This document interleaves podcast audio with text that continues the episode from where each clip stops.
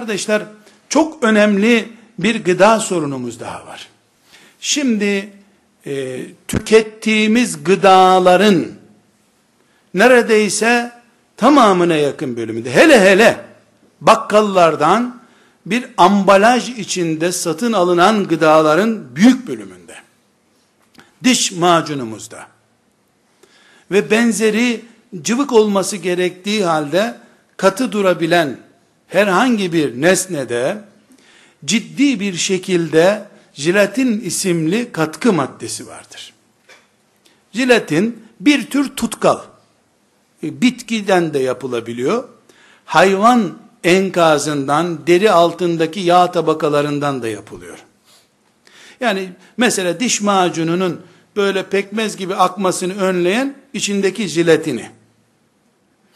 Püsküvitleri kıtır kıtır kıtır yapan şey o.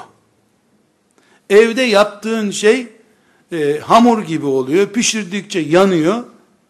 E, bisküvit olarak aldığın şey katır kutur döh be değirmen taşı gibi deviriyorsun onu. O kıtır kıtır sesi çocuğa hoş geliyor. Büyüğe de hoş geliyor. Bu jilatinin gücü. Jilatin gıdada insanoğlunun keşfettiği en büyük keşiflerden biri. Sorun jilatinin kullanılmasında değil. Bitkiden yapıldığı zaman hiçbir sakıncası yok. Arpadan, buğdaydan, soya fasulyesinden nereden yapılırsa yapılsın yüzde yüz helaldir. Elhamdülillah Rabbimizin helal ettiği iş. Dedik ya bitkilerde sıkıntı yok. Topraktan çıktı ananın sütü gibi helal sana. Ama bu Avrupa'da üretildiğinde Avrupa'da mezbanelerde kesilen hayvanlarda domuz oranı çok yüksek. Ve bir domuz derisinden mesela 100 gram jiletin üretiliyorsa 10 koyun derisinden üretilmiyor o kadar. Dedik ya Allah gıda üzerinden en büyük imtihanı yapacak. Bir mandırada 100 domuz besle 10 senede zengin oluyorsun. 100 inek besliyorsun zarardan zor kurtarıyorsun. Sütü az. Eti çabuk gelişmez. Öbüründe fitne var ya. Fitne Allah böyle imtihan. Köpek insana en yakın hayvan değdiği yerin yedi defa yıkanması lazım. Böyle pis kabul ediyor Allah. İmtihan edecek. Köpeğe de git yanaş bunun ayaklarına sürün diyor. Sana da sürüntürürsen namaz kılamazsın diyor. İmtihan edecek. E niye böyle imtihan ediyorsun mu diyeceğiz Rabbimize. Nasıl murat buyurduysa öyle imtihan edecek. Şimdi jiletin maddesinde Avrupa'dan geldiğinde veya Avrupalılaşmış bir yerde üretildiğinde yani Avrupa günah keçesi hep ona yükleniyorum. Sanki bizim mezbanelerimizde e, Yasin suresi okunarak mı kesiliyor hayvanlar yani? Ne, işte her şeyin üstünde. Bıçağa besmele yazıp kesiyorlarmış. Mış. Sanki kardeşler e, iki sorunu halletmedikçe jiletin şüpheli bir maddedir. Birincisi besmelesiz hayvan bizde domuz hükmündedir.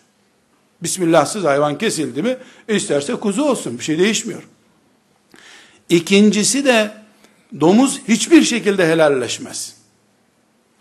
Mesela kaplanın derisi pistir. Tabakhanede temiz olur ama. Domuzun böyle bir özelliği yok. Domuz hiçbir şey helal olmaz. Burada kardeşler jilatin dış fırt macunumuzdan filanca gıda maddemize kadar mesela özellikle çocukların yemeklerine fıs fıs sıktıkları şu boyalı şeyler o niye annesinin yaptığı soslar o kadar güzel olmuyor?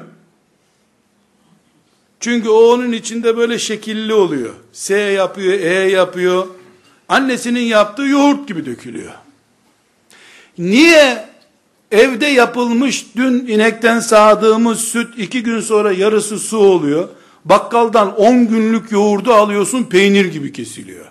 Bunlara jilatin mucizesi. Bu ciddi bir sorun. Bu sorunu halletme ancak devlet çapında olabilecek bir şey. Yani Müslüman hocalar, alimler, Müslümanlar toplanıp bunu halledecek bir durum yok. Çünkü büyük bir afete dönüştü. Bu belvayı umumi diyeceğimiz çapa geldi. Çok ciddi bir sorun bu. Ee, Müslümanlar olarak bu hususta gayret gösteren kuruluşlarımıza destek olmalıyız. Helal gıda ciddi mücadelesi yapanlara destek olmalıyız. Ülkemizde Müslümanların şuuruyla bunun üretilmesi için çalışmalıyız. Milyonlarca ton üretiliyor bu. Yani Türkiye gibi büyük ekonomisi olan bir ülke bile bunu üretecek durumda değil. Yetişmiyor çünkü. Dedik ya bu sadece dondurmaya katılmıyor. Dondurmada var zaten. Yani böyle herkesin zevkle yediği, çocuğun hoşlandığı ne varsa onda var. Bu hale gelmiş bir durum var. Jiletin diye bir sorunumuz var. Yalnız şunu söylemiyorum. Özellikle söylemiyorum. Madem böyle marketten bir şey almayın demiyorum. Bu bir afettir diyorum. Jiletinsiz ekmek de belki yoktur. Ekmeğin yüzde yüz yapılış maddesini mayadan itibaren bir çözsek başımız belaya girebilir. Peynirimizde başımız belaya girebilir. Böyle bir ulu orta laf yuvarlamıyorum. Böyle bir sorun var diyorum. Evham ve vesveseye götürmeye gerek yok. Ama bunu temel meselelerimizden biri olarak görecek ciddi anlayışa ihtiyaç var. Şimdi gidip mutfağın kapısına yazıp bundan sonra köyden annemin gönderdiği peynirin dışında her şey haram bu mutfakta diye bir kanun koyma. Aç kalırsın, çocuklarını da aç bırakarsın. Bir afete dönmüş sorunla karşı karşıyayız biz.